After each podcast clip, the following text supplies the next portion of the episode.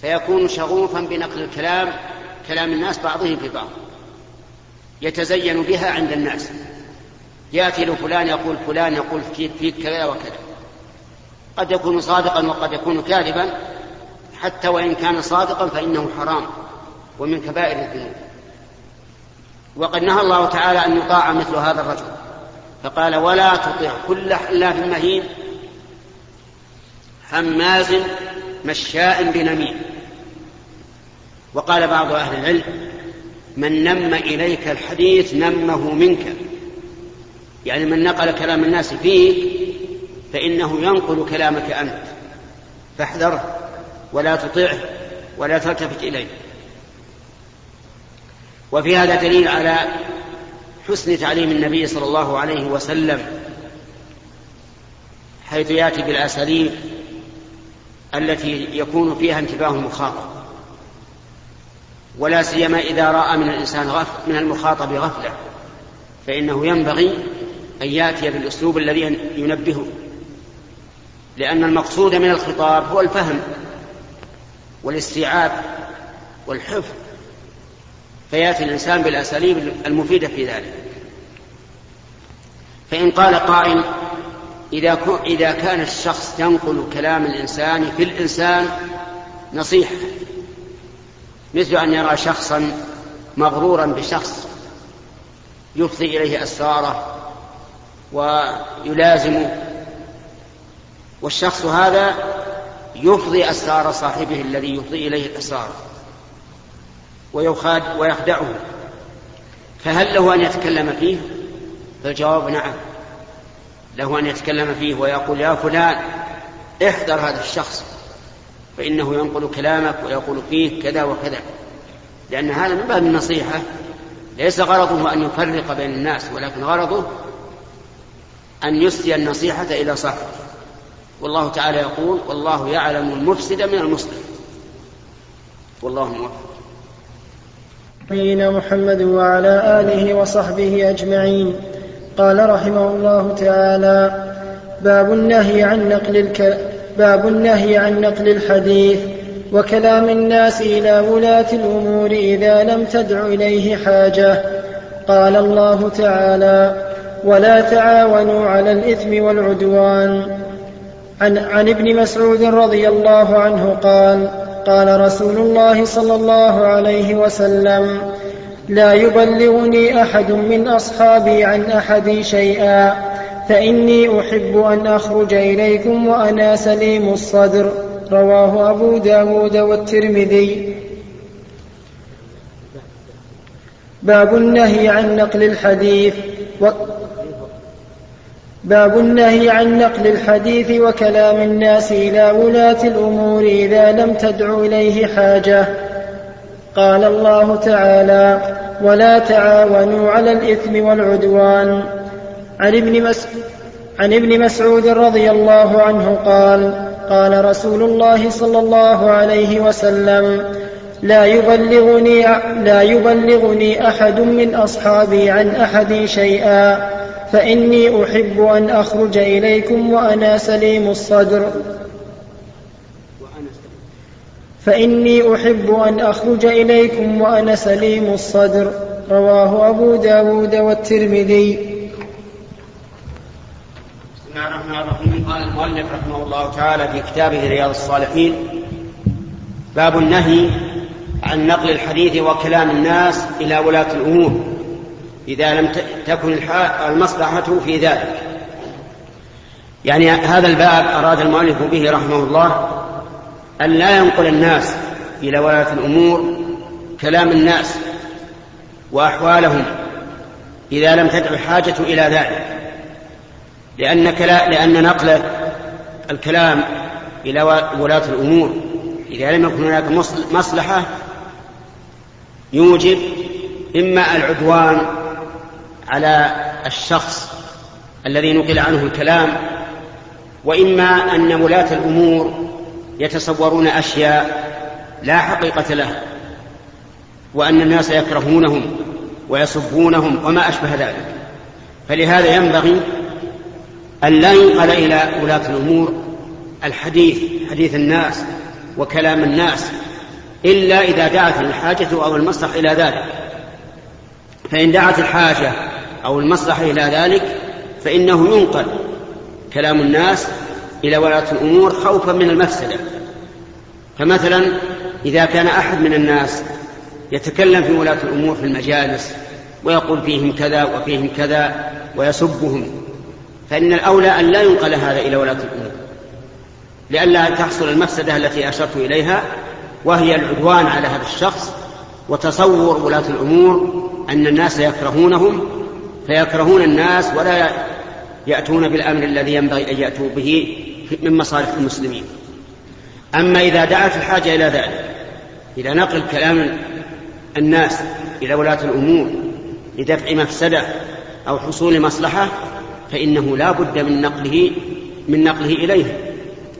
فإذا رأينا رجلا يتكلم في ولاة الأمور بما فيه من المعاصي والفسوق وما أشبه ذلك وينشرها بين الناس فإنه لا بد أن تعلم ولاة الأمور بهذا لأن هذا من النصيحة من النصيحة لهذا الشخص أن لا يتمادى في طغيانه وهجومه على ولاة الأمور ومن النصيحة لولاة الأمور أيضا أن لا يحمل الناس في في قلوبهم على ولاة الأمور.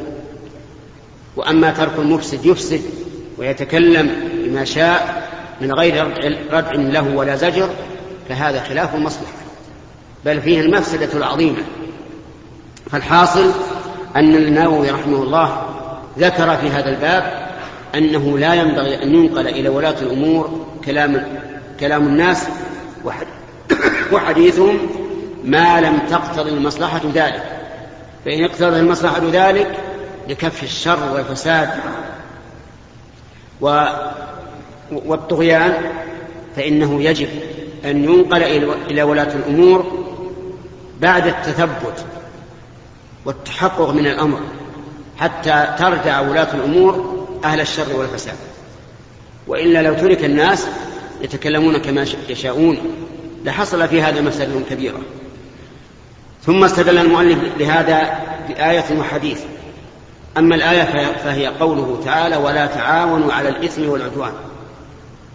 ومن التعاون على الإثم والعدوان أن ينقل الإنسان كلام الناس أو كلام الشخص المعين إلى ولاة الأمور بدون مصلحة تقتضي ذلك. فإن هذا قد يحصل به كما أشرنا عدوان من ولاة الأمور على الشخص بلا سبب شرعي. أما الحديث فهو حديث ابن مسعود رضي الله عنه أن النبي صلى الله عليه وسلم قال لا يبلغني أحد عن أحد شيئا فإني أحب أن أخرج إليكم وأنا سليم الصدر. وهذا من حكمة الرسول عليه الصلاة والسلام. أنه لا ينقل أحد إليه كلام الناس لئلا يقع في قلبه شيء على هذا المتكلم فيحب أن يخرج إليهم وهو سليم الصدر. ولهذا كثيرا ما يكون الإنسان محبا لشخص يقدره ويرى أنه رجل, رجل كريم ورجل سليم ثم إذا نقل عنه شيء إذا ثم إذا نقل إليه شيء عن هذا الرجل كرهه ونفر منه وصار يبغضه لكن كما قلنا أولا إذا اقتضت المصلحة أن نتكلم فلا بد أن نتكلم لئلا ينتشر الشر والفساد وتحصل الفتن. والله موفق. باب ذم ذي الوجهين قال الله تعالى يستخفون من الناس ولا يستخفون من الله وهو معهم إذ يبيتون ما لا يرضى من القول وكان الله بما يعملون محيطا. عن أبي هريرة رضي الله عنه قال قال رسول الله صلى الله عليه وسلم تجدون الناس معادن خيارهم في الجاهلية خيارهم في الإسلام إذا فقهوا. وتجدون خيار الناس في هذا الشأن أشدهم كراهية له. وتجدون خيار الناس في هذا الشأن أشدهم كراهية له. وتجدون شر الناس ذا الوجهين الذي يأتي هؤلاء بوجه متفق عليه. وعن محمد بن زيد أن ناسا قالوا لجده عبد الله بن عمر رضي الله عنهما إنا ندخل على سلاطيننا فنقول لهم بخلاف ما نتكلم إذا خرجنا من عندهم. قال كنا نعد هذا نفاقا على عهد رسول الله صلى الله عليه وسلم رواه البخاري بسم الله الرحمن الرحيم قال المؤلف النووي رحمه الله في كتابه رياض الصالحين باب ذم ذي الوجهين. ذو الوجهين هو الذي يأتي هؤلاء بوجه وهؤلاء بوجه كما يفعل المنافقون. إذا لقوا الذين آمنوا قالوا آمنا وإذا خلوا إلى شياطينهم قالوا إنا معكم إنما نحن مستهزئون. وهذا يوجد في كثير من الناس والعياذ بالله وهو شعبة من النفاق. تجد يأتي إليك يتملق ويثني عليك وربما يغلو في ذلك الثناء ولكنه إذا كان من ورائك عقرك وذمك وشتمك وذكر فيك ما ليس فيك فهذا والعياذ بالله كما قال النبي عليه الصلاة والسلام تجدون شر الناس ذا الوجهين يأتي هؤلاء بوجه وهؤلاء بوجه. وهذا من كبائر الذنوب لأن النبي صلى الله عليه وعلى آله وسلم وصف فاعله بأنه شر الناس. والواجب على الإنسان أن يكون صريحا لا يقول إلا ما في قلبه فإن كان خيرا حمد عليه وإن كان سوى ذلك وجه إلى الخير. أما كونه يأتي هؤلاء بوجه وهؤلاء بوجه سواء كان فيما يتعلق بعبادته يظهر أنه عابد مؤمن تقي وهو بالعكس. أو فيما يتعلق بمعاملته مع الشخص يظهر أنه ناصح له ويثني عليه ويمدحه ثم إذا غاب عنه عقر. فهذا لا يجوز. ثم ذكر المؤلف رحمه الله الآية الكريمة يستخفون من الناس ولا يستخفون من الله وهو معهم إذ يبيتون ما لا يرضى من القول. وكان الله بما يعملون محيطا. هذه الآية نزلت في قوم يخفون في أنفسهم ما لا يبدونه للناس. يحدثون الناس بما ليس في قلوبهم. فإذا صاروا في, في الوحدة واجتمعوا في الليل أظهروا ما في نفوسهم والعياذ بالله. الذي كانوا أخفوه على الناس من قبل. فيقول الله عز وجل يستخفون من الناس ولا يستخفون من الله وهو معهم إذ يبيتون ما لا يرضى من القول. وكان الله بما يعملون محيطا. ومثل ذلك أيضا من يعمل المعصية خفاء ويجحدها ولا يعملها أمام الناس. حياء منهم وخجلا.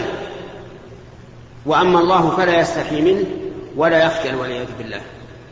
هذا يدخل في الآية الكريمة.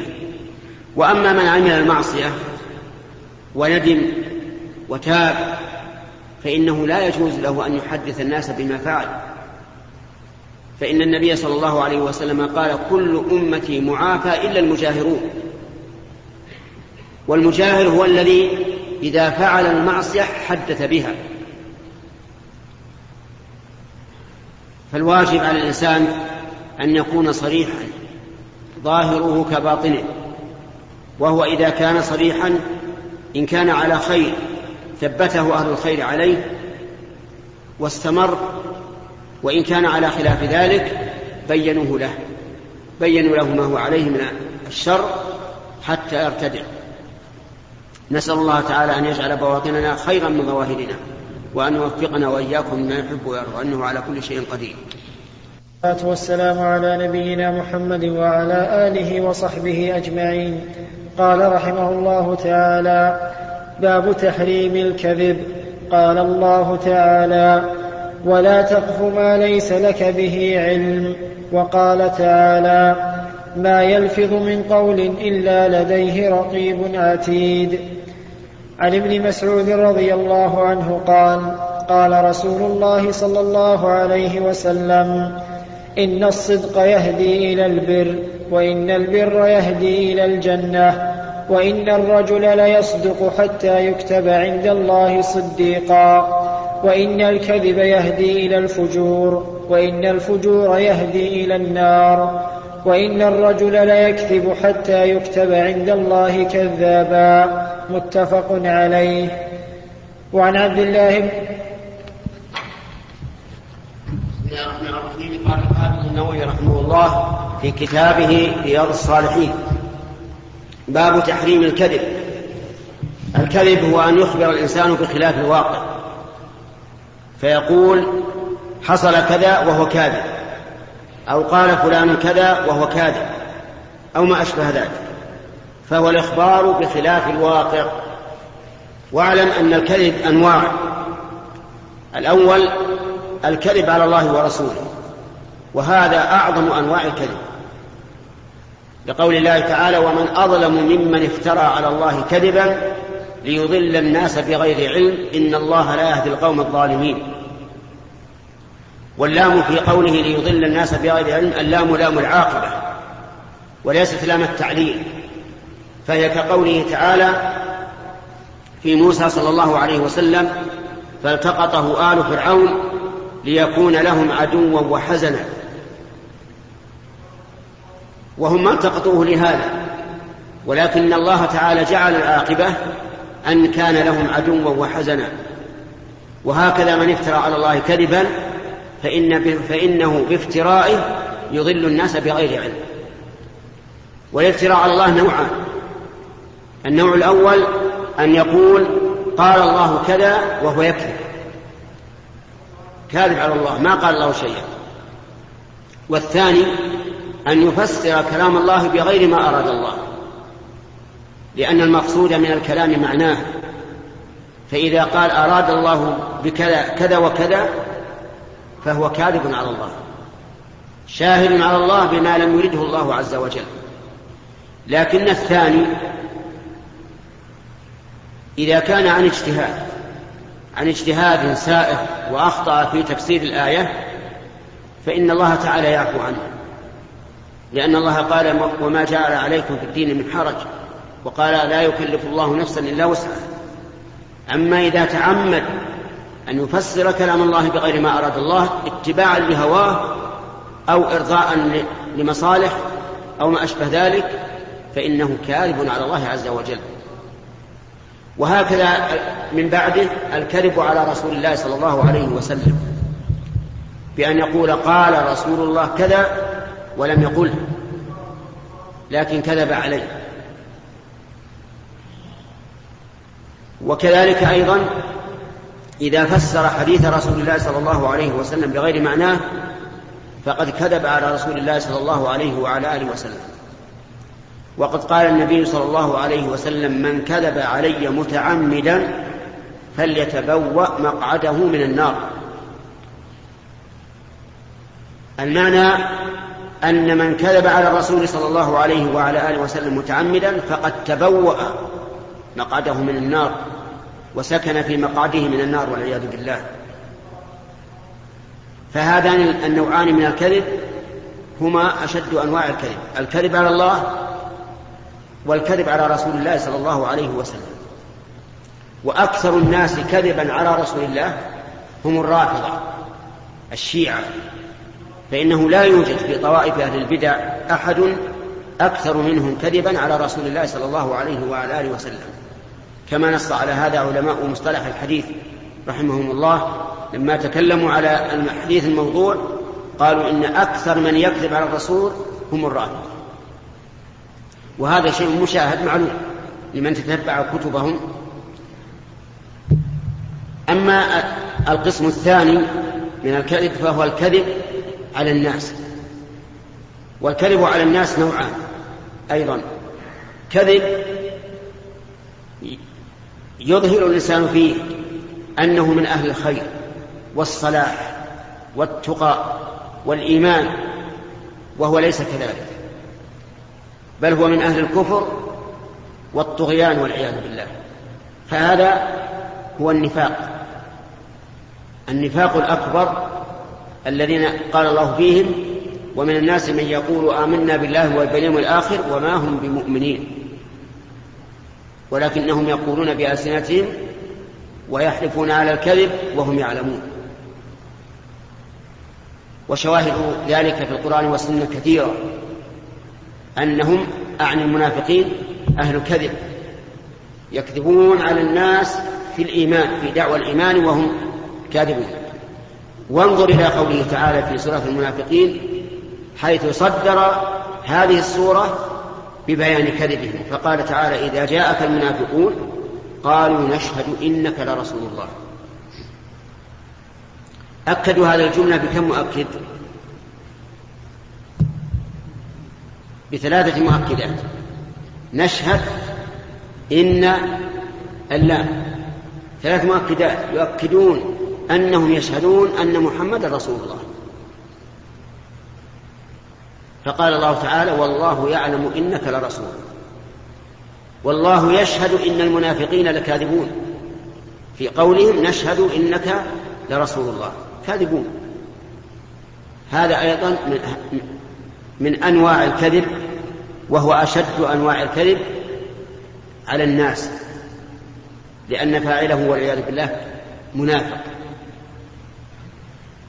والنوع الثالث الكذب في الحديث بين الناس الحديث الجاري بين الناس. يقول قلت لفلان كذا وهو لم يقله قال فلان كذا وهو لم يقله جاء فلان وهو لم يأتي وهكذا. هذا أيضا محرم. ومن علامات النفاق كما جاء قال النبي عليه الصلاة والسلام آية المنافق ثلاث إذا حدث كذا. ثم ساق المؤلف رحمه الله الأدلة على تحريم الكذب. منها قوله تعالى ولا تقف ما ليس لك به علم إن السمع والبصر والفؤاد كل أولئك كان عنه مسؤولا. لا تقف أي لا تتبع ما ليس لك به علم. إن السمع والبصر والفؤاد كل أولئك كان عنه مسؤولا. وإذا كان هذا نهيا عما لم تحط به علما فما بالك بما أحطت به علما وأخبرت بخلافه يكون هذا أشد وأعظم. وبهذا نعرف أن الإنسان إذا تكلم بكلام فإما أن يكون قد أحاط به علما فكلامه هذا مباح في الأصل. ما لم يجر إلى مفسدة. الثاني أن يقوى ما يعلم أن الأمر بخلافه فهذا كذب واضح صريح.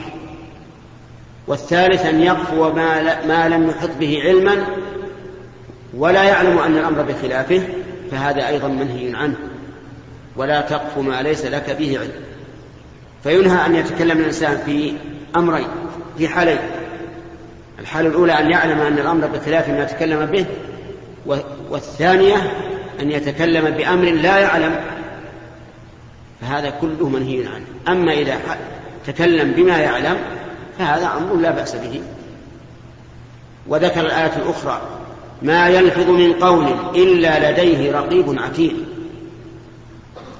من قول نكرة في سياق إيش؟ النفي ومؤكدة مؤكد عمومها بمن؟ ما يلفظ من قول إلا لديه رقيب عتيد. أي قول تقوله؟ عندك رقيب. عتيد يعني حاضر مراقب يكتب ما تقول. إذ يتلقى المتلقيان عن اليمين وعن الشمال قعيد ما يلفظ من قول إلا لديه رقيب عتيد. أم يحسبون أنا لا نسمع سرهم ونجواهم؟ بلى يعني نسمع سرهم ونجواهم ورسلنا لديهم يكتبون. ما أعظم الأمر. كل كلمة تخرج منك مكتوبة تكتب. وسوف تلقى ذلك يوم القيامة. كما قال تعالى وكل إنسان ألزمناه طائره في عنقه. ونخرج له يوم القيامة كتابا يلقاه منشورا. اقرأ كتابا أنت حسيب نفسك. كفى بنفسك اليوم عليك حسيبا. قال بعض السلف والله لقد أنصفك من جعلك حسيبا على نفسك. فالحاصل أن الله يقول ما يلفظ من قول إلا لديه رقيب عتيد. هذا الرقيب العتيد أي الحاضر يكتب كل شيء. كل قول. سواء كان لك أو عليك أو من اللغو الذي ليس لك ولا عليك. ولما قيل للإمام أحمد رحمه الله وكان مريضا يئن من مرضه قيل له إن فلانا وأظنه طاووسا يقول إن الملك يكتب حتى أنين المريض. أنين المريض وهو يئن من المرض من شدته يكتب عليه. أمسك رحمه الله عن الإمام أحمد أمسك عن العنين وصار يتصبر ولا يئن خوفا من إيش؟ من أن يكتب عليه. هؤلاء الذين يحفظون ألسنتهم وجوارحهم ويعرفون قدر الأمور أمسك حتى عن الامين أما نحن نسأل الله أن يعاملنا وإياكم بالعفو فإطلاق اللسان عندنا كثير. وقد قال عليه الصلاة والسلام من كان يؤمن بالله واليوم الآخر فليقل خيرا أو ليصمت. نسأل الله أن يعيننا وإياكم على أنفسنا وأن يوفقنا لما يحب ويرضى من القول والعمل. والصلاة والسلام على نبينا محمد وعلى آله وصحبه أجمعين. قال رحمه الله تعالى باب تحريم الكذب. عن ابن مسعود رضي الله عنه قال قال رسول الله صلى الله عليه وسلم إن الصدق يهدي إلى البر وإن البر يهدي إلى الجنة وإن الرجل ليصدق حتى يكتب عند الله صديقا وإن الكذب يهدي إلى الفجور وإن الفجور يهدي إلى النار وإن الرجل ليكذب حتى يكتب عند الله كذابا. متفق عليه. وعن عبد الله بن عمرو بن العاص رضي الله عنهما أن النبي صلى الله عليه وسلم قال أربع من كن فيه كان منافقا خالصا. وعن عبد الله بن عمرو بن العاص رضي الله عنهما أن النبي صلى الله عليه وسلم قال أربع من كن فيه كان منافقا خالصا. ومن كانت فيه خصلة منهن كانت فيه خصلة من نفاق حتى يدعها. إذا اؤتمن خان وإذا حدث كذب وإذا عاهد غدر وإذا خاصم فجر. متفق عليه. بسم الله الرحمن الرحيم. سبق لنا الكلام على الآيتين اللتين ذكرهما المؤلف رحمه الله في صدر هذا الباب. باب تحريم باب تحريم الكذب. ثم ذكر الحديث منها حديث عبد الله بن عباس مسعود رضي الله عنه أن النبي صلى الله عليه وسلم قال إياكم والكذب فإن الكذب يهدي إلى الفجور وإن الفجور يهدي إلى النار. ولا يزال الرجل يكذب ويتحرى الكذب حتى يكتب عند الله كذابا. وعليكم بالصدق فإن الصدق يهدي إلى البر وإن البر يهدي إلى الجنة. ولا يزال الرجل يصدق ويتحرى الصدق حتى يكتب عند الله صديقا. ففي هذا الحديث حذر النبي صلى الله عليه وسلم من الكذب فقال إياكم والكذب. يعني ابتعدوا عنه واجتنبوه وهذا يعم الكذب في كل شيء.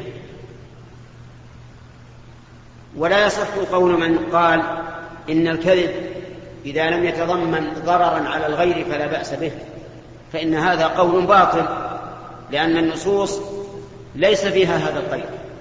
النصوص تحذر من الكذب مطلقا ثم بين الرسول عليه الصلاة والسلام أن الكذب يهدي إلى الفجور. يعني إذا كذب الرجل في حديثه فإنه لا يزال به الأمر حتى يصل به إلى الفجور والعياذ بالله. وهو الخروج عن الطاعة والتمرد والعصيان والفجور يهدي إلى النار. قال الله تعالى كلا إن كتاب الفجار لفي سجين وما أدراك ما سجين. كتاب مرقوم ويل يومئذ للمكذبين الذين يكذبون بيوم الدين. ثم حث على الصدق. نعم ثم قال ولا يزال الرجل يكذب ويتحرى الكذب حتى يكتب عند الله كذابا والعياذ بالله. أين الكذابين؟ لأن الكذب نسأل الله لنا ولكم السلامة منه ومن سائر الآثام إذا اعتاده الإنسان صار يكذب في كل شيء.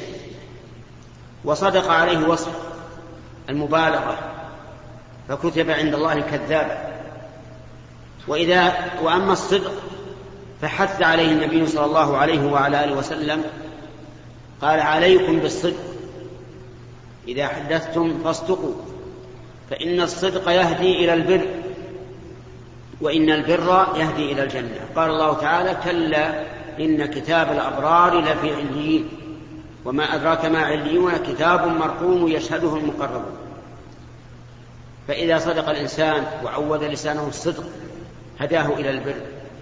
والبر يهدي, يهدي إلى الجنة يعني يوصل إليها. ولا يزال الرجل يصدق ويتحرى الصدق حتى يكتب عند الله صديقا. والصديقية منزلة عالية هي التي تلي منزلة, منزلة النبوة كما قال الله تعالى ومن يطع الله والرسول فأولئك مع الذين أنعم الله عليهم من النبيين والصديقين والشهداء والصالحين وحسن أولئك رفيقا. واعلم أن الكذب يتضاعف جرمه بحسب ما يؤدي إليه. فالكذب في المعاملات أشد من الكذب في مجرد الأخبار. فإذا صار الرجل يكذب في بيعه وشرائه وأخذه وعطائه صار هذا أشد. لأنه إذا كذب في البيع والشراء فإن فإنه يمحق تمحق بركة بيعه. قال النبي صلى الله عليه وسلم البيعان بالخيار فإن صدقا وبينا بورك لهما في بيعهما وإن كذبا وكتما محقت بركة بيعهما. وما ترتب على الكذب في البيع والشراء من زيادة في الثمن أو زيادة في المبيع فإنه سحت والعياذ بالله لأنه مبني على الكذب. والكذب باطل وما بني على الباطل فهو باطل. كذلك الكذب في وصف السلعة. يقول الإنسان مثل هذه السلعة فيها كذا كذا وكذا من الصفات المرغوبة وهو كاذب. فهذا أيضا من أكل المال بالباطل. ومن ذلك ما يفعله بائع السيارات تحت الميكروفون كما يقولون. يعطي الإنسان سيارته. هذا الدلال تحت الميكروفون وهو يدري أن فيها العيب الفلاني ثم يقول عند عرضها للبيع, كل عيب فيها. ولا يبين العيب الحقيقي. فهذا فهذا حرام. لا يجوز. إذا كان البائع يعلم العيب لكن كتمه وقال للمشتري اصبر في كل عيب هذا حرام. إذا كان يعلم أن فيها عيبا. أما إذا كان لا يعلم لكنه يخشى أن يكون فيها عيب لا يطلع عليه فلا بأس أن أن يطلب البراءة من كل عيب مشهور والله موفق.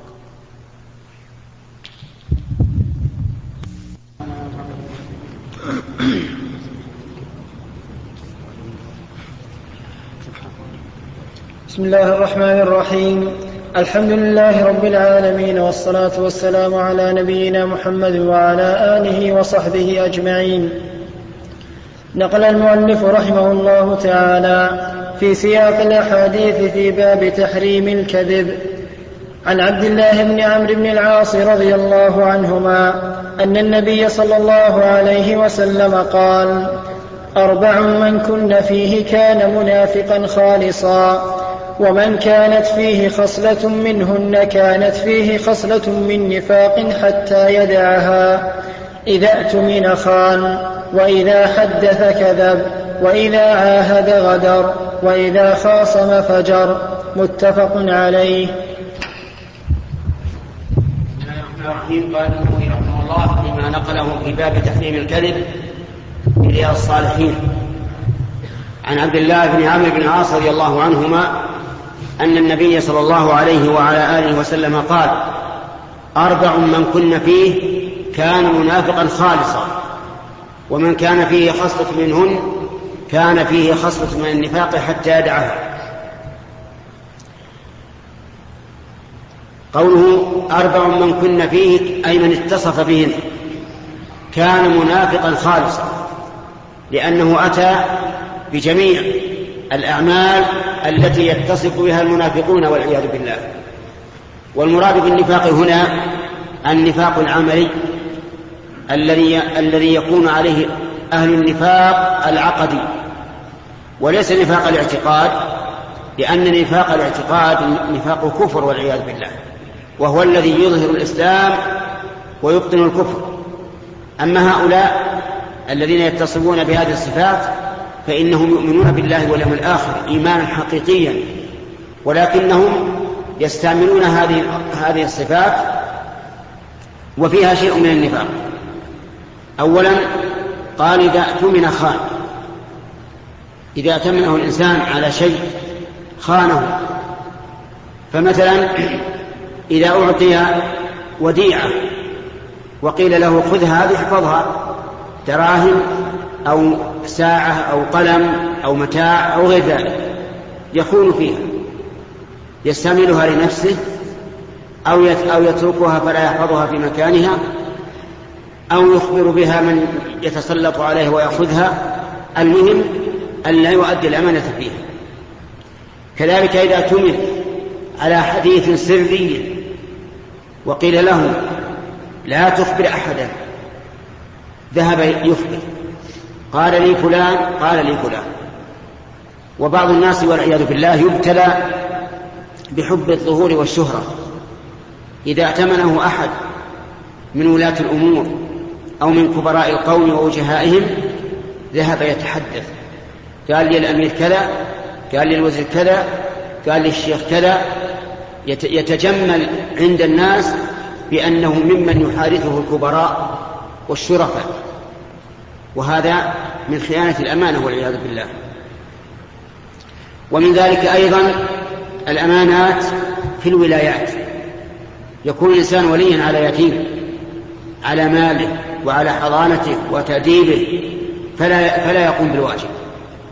يهمل ماله وربما يستقرضه لنفسه ولا يدري هل يستطيع الوفاء فيما بعد أم لا و ولا يقربه بالتي أحسن.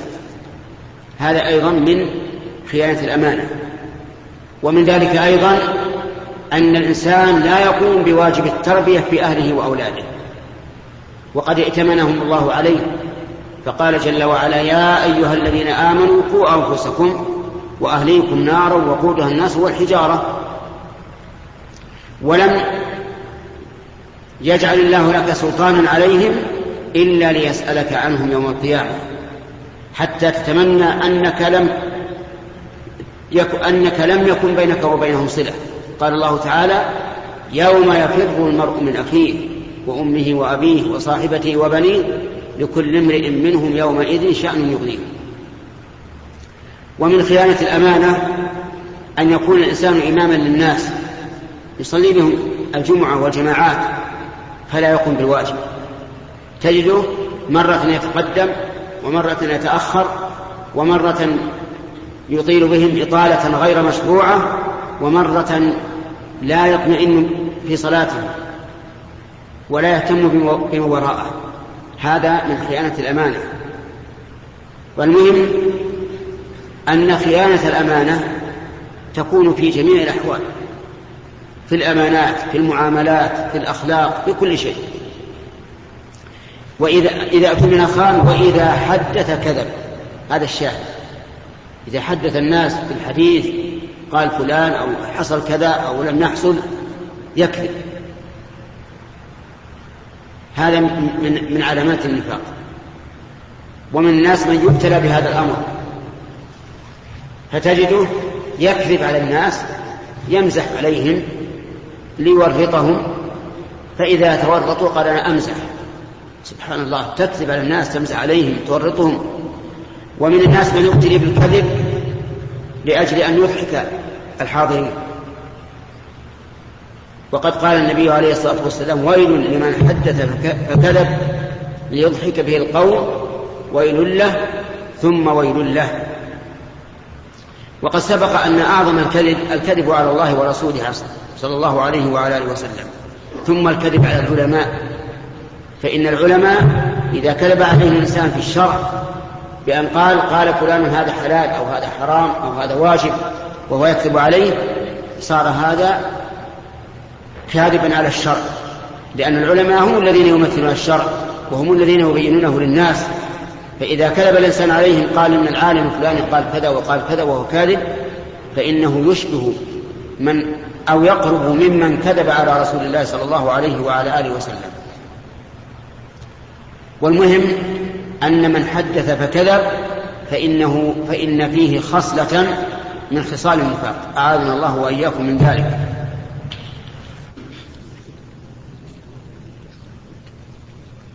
بسم الله الرحمن الرحيم. الحمد لله رب العالمين والصلاة والسلام على نبينا محمد وعلى آله وصحبه أجمعين. نقل المؤلف رحمه الله تعالى في سياق الأحاديث في باب تحريم الكذب. عن عبد الله بن عمرو بن العاص رضي الله عنهما أن النبي صلى الله عليه وسلم قال أربع من كن فيه كان منافقا خالصا ومن كانت فيه خصلة منهن كانت فيه خصلة من نفاق حتى يدعها إذا اؤتمن خان وإذا حدث كذب. وإذا عاهد غدر وإذا خاصم فجر متفق عليه. وعن ابن عباس رضي الله عنهما عن النبي صلى الله عليه وسلم قال من تحلم بحلم لم يره كلف أن يعقد بين شعيرتين ولن يفعل. من, من تحلم بحلم لم يره كلف أن يعقد بين شعيرتين ولن يفعل. ومن استمع إلى حديث قوم وهم له كارهون. صب في أذنيه الآنك يوم القيامة. ومن صور صورة عذب وكلف أن ينفخ فيها الروح وليس بنافخ. رواه البخاري. بسم الله الرحمن الرحيم. سبق لنا الكلام على جملتين من حديث عبد الله عبد الله بن عامر بن العاص رضي الله عنهما أن النبي صلى الله عليه وعلى آله وسلم قال أربع من كن فيه كان منافقا خالصا وما كان فيه خصلة منهن كان فيه خصلة من نفاق حتى يدعها إذا اؤتمن خان وإذا حدث كذب الخصلة الثالثة وإذا عاهد غدر يعني إذا أعطى شخصا عهدا على أي شيء من الأشياء غدر به ونقض العهد. وهذا يشمل المعاهدة مع الكفار والمعاهدة مع المسلم في بعض الأشياء فإن ثم يغدر بذلك. فالمعاهدة مع الكفار إذا عاهدنا الكفار على ترك الحرب بيننا وبينهم مدة معينة كما فعل النبي عليه الصلاة والسلام مع قريش حين عاهدهم في صلح الحديبية على ترك القتال لمدة عشر سنوات. فإذا عاهدنا هؤلاء المشركين فلنا معهم ثلاث حالات. الحالة الأولى أن ينقضوا العهد. أن ينقضوا العهد فحينئذ يبطل العهد الذي بيننا وبينهم كما قال تعالى وإن نكثوا أيمانهم من بعد عهدهم وطعنوا في دينكم فقاتلوا أئمة الكفر إنهم لا أيمان لهم لعلهم ينتهون. كما فعلت قريش في العهد الذي بينها وبين رسول الله صلى الله عليه وعلى آله وسلم في الحديبية فإنها لم تمضي ثمان سنوات إلا ونقضت العهد إلا ونقضت قريش من العهد. حيث أعانوا حلفاءهم على حلفاء النبي صلى الله عليه وعلى آله وسلم. الحال الثانية أن يستقيموا على العهد. فحينئذ يجب علينا أن نستقيم على العهد وأن نبقى حتى تنتهي المدة. لقول الله تبارك وتعالى فما استقاموا لكم فاستقيموا لهم إن الله يحب المتقين. الحالة الثالثة أن نخشى أن ينقضوا العهد. يعني لم ينقضوه فعلا ولم يظهر لنا استقامة تامة فنخشى أن ينقض العهد. فهنا ننبذ إليهم العهد. ونقول لهم صراحة صراحة إنه لا عهد بيننا وبينهم دليل ذلك قول الله تعالى وإما تخافن من قوم خيانة فانبذ إليهم على سواء إن الله لا يحب الخائنين. أما العهود التي بين المسلمين بأن تعاهد شخصا على أن تفعل كذا أو أن لا, أو أن لا تفعل أو على أن من فضلك اقلب